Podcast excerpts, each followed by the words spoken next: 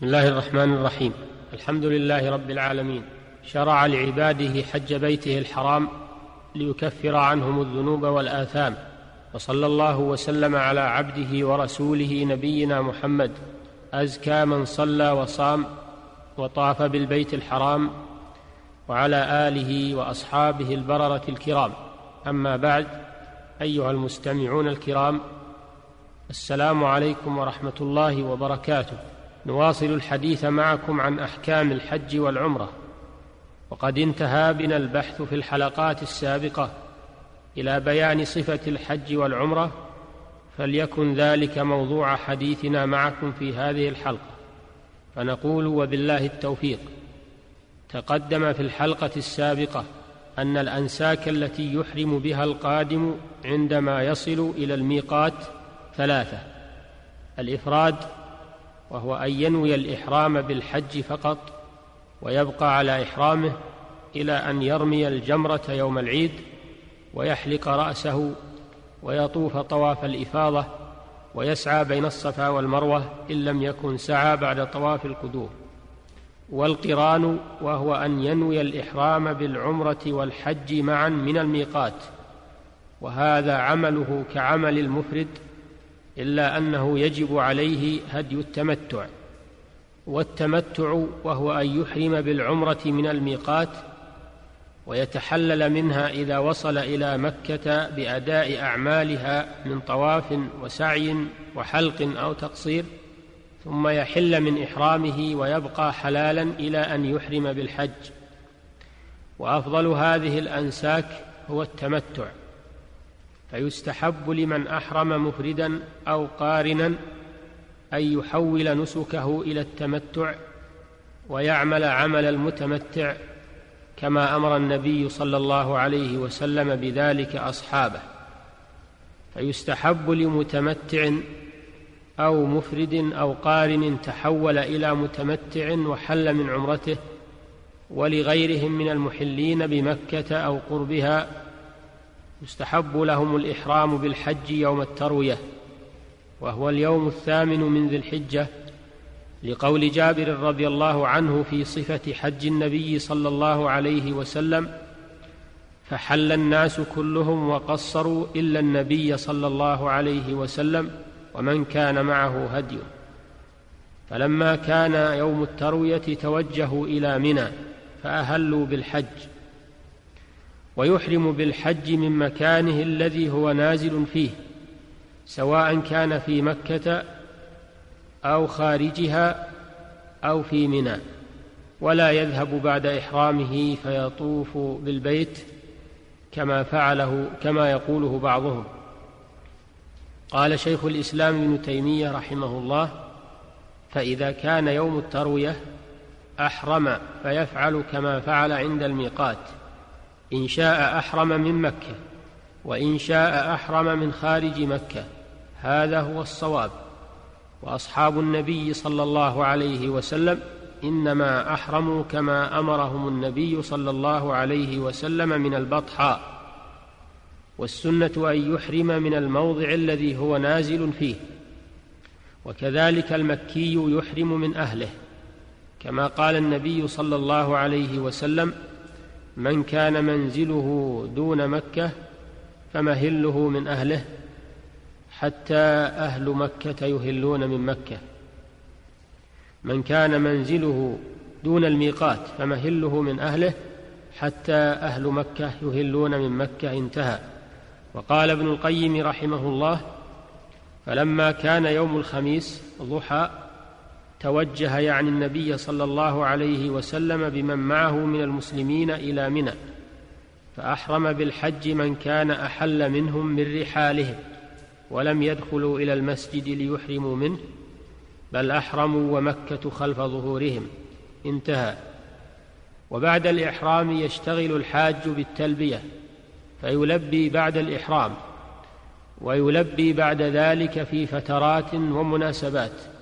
يرفع صوته بالتلبية إلى أن يرمي جمرة العقبة يوم العيد ثم يخرج إلى منى من كان بمكة محرما يوم التروية والأفضل أن يكون خروجه قبل الزوال فيصلي بها الظهر وبقية الأوقات إلى الفجر ويبيت بها ليلة التاسع يصلي كل صلاة في وقتها مع قصر الصلاة الرباعية ركعتين.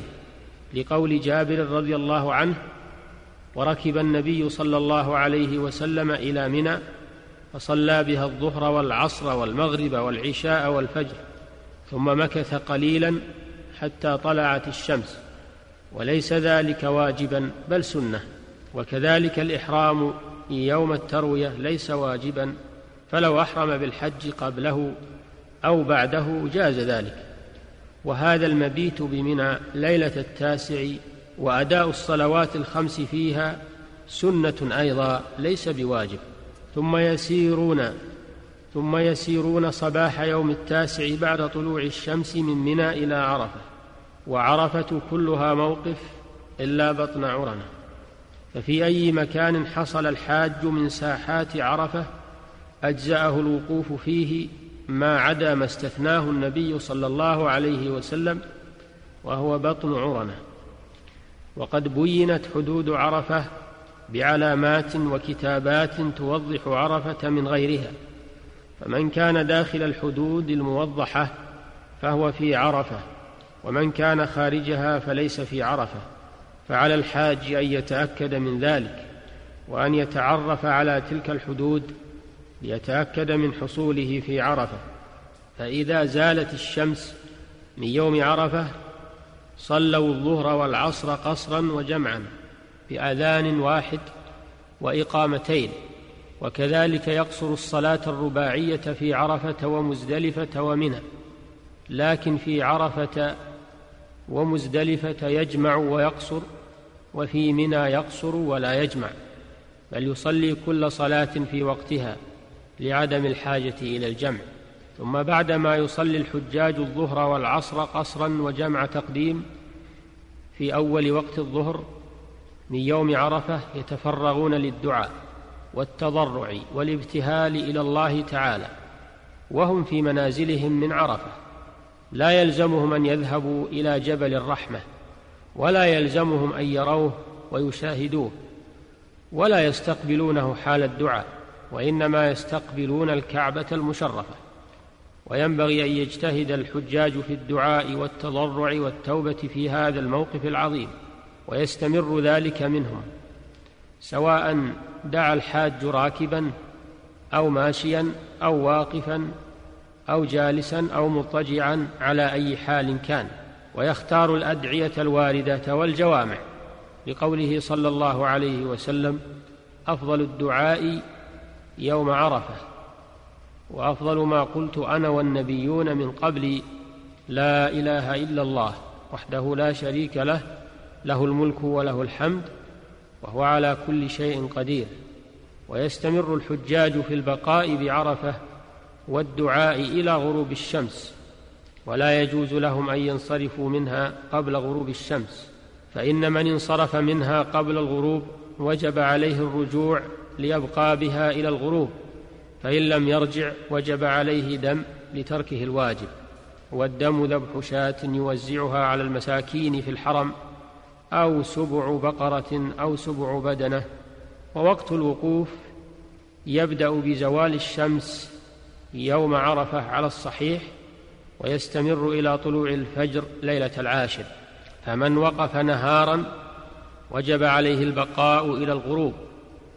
ومن وقف ليلا أجزأه ولو لحظة لقول النبي صلى الله عليه وسلم من أدرك عرفات بليل فقد أدرك الحج. وحكم الوقوف بعرفة أنه ركن من أركان الحج بل هو أعظم أركان الحج لقوله صلى الله عليه وسلم الحج عرفة فمن فاته الوقوف بعرفة في وقته فقد فاته الحج. ومكان الوقوف هو عرفة بكامل ساحاتها المحددة فمن وقف خارجها لم يصح وقوفه. فانتبهوا أيها الحجاج لهذا الأمر فإنه مهم جدا. وفق الله الجميع لما يحبه ويرضاه من الأعمال والأقوال. إنه سميع مجيب. والحمد لله رب العالمين. وصلى الله وسلم على نبينا محمد وعلى آله وصحبه وإلى الحلقة القادمة بإذن الله. السلام عليكم ورحمة الله وبركاته.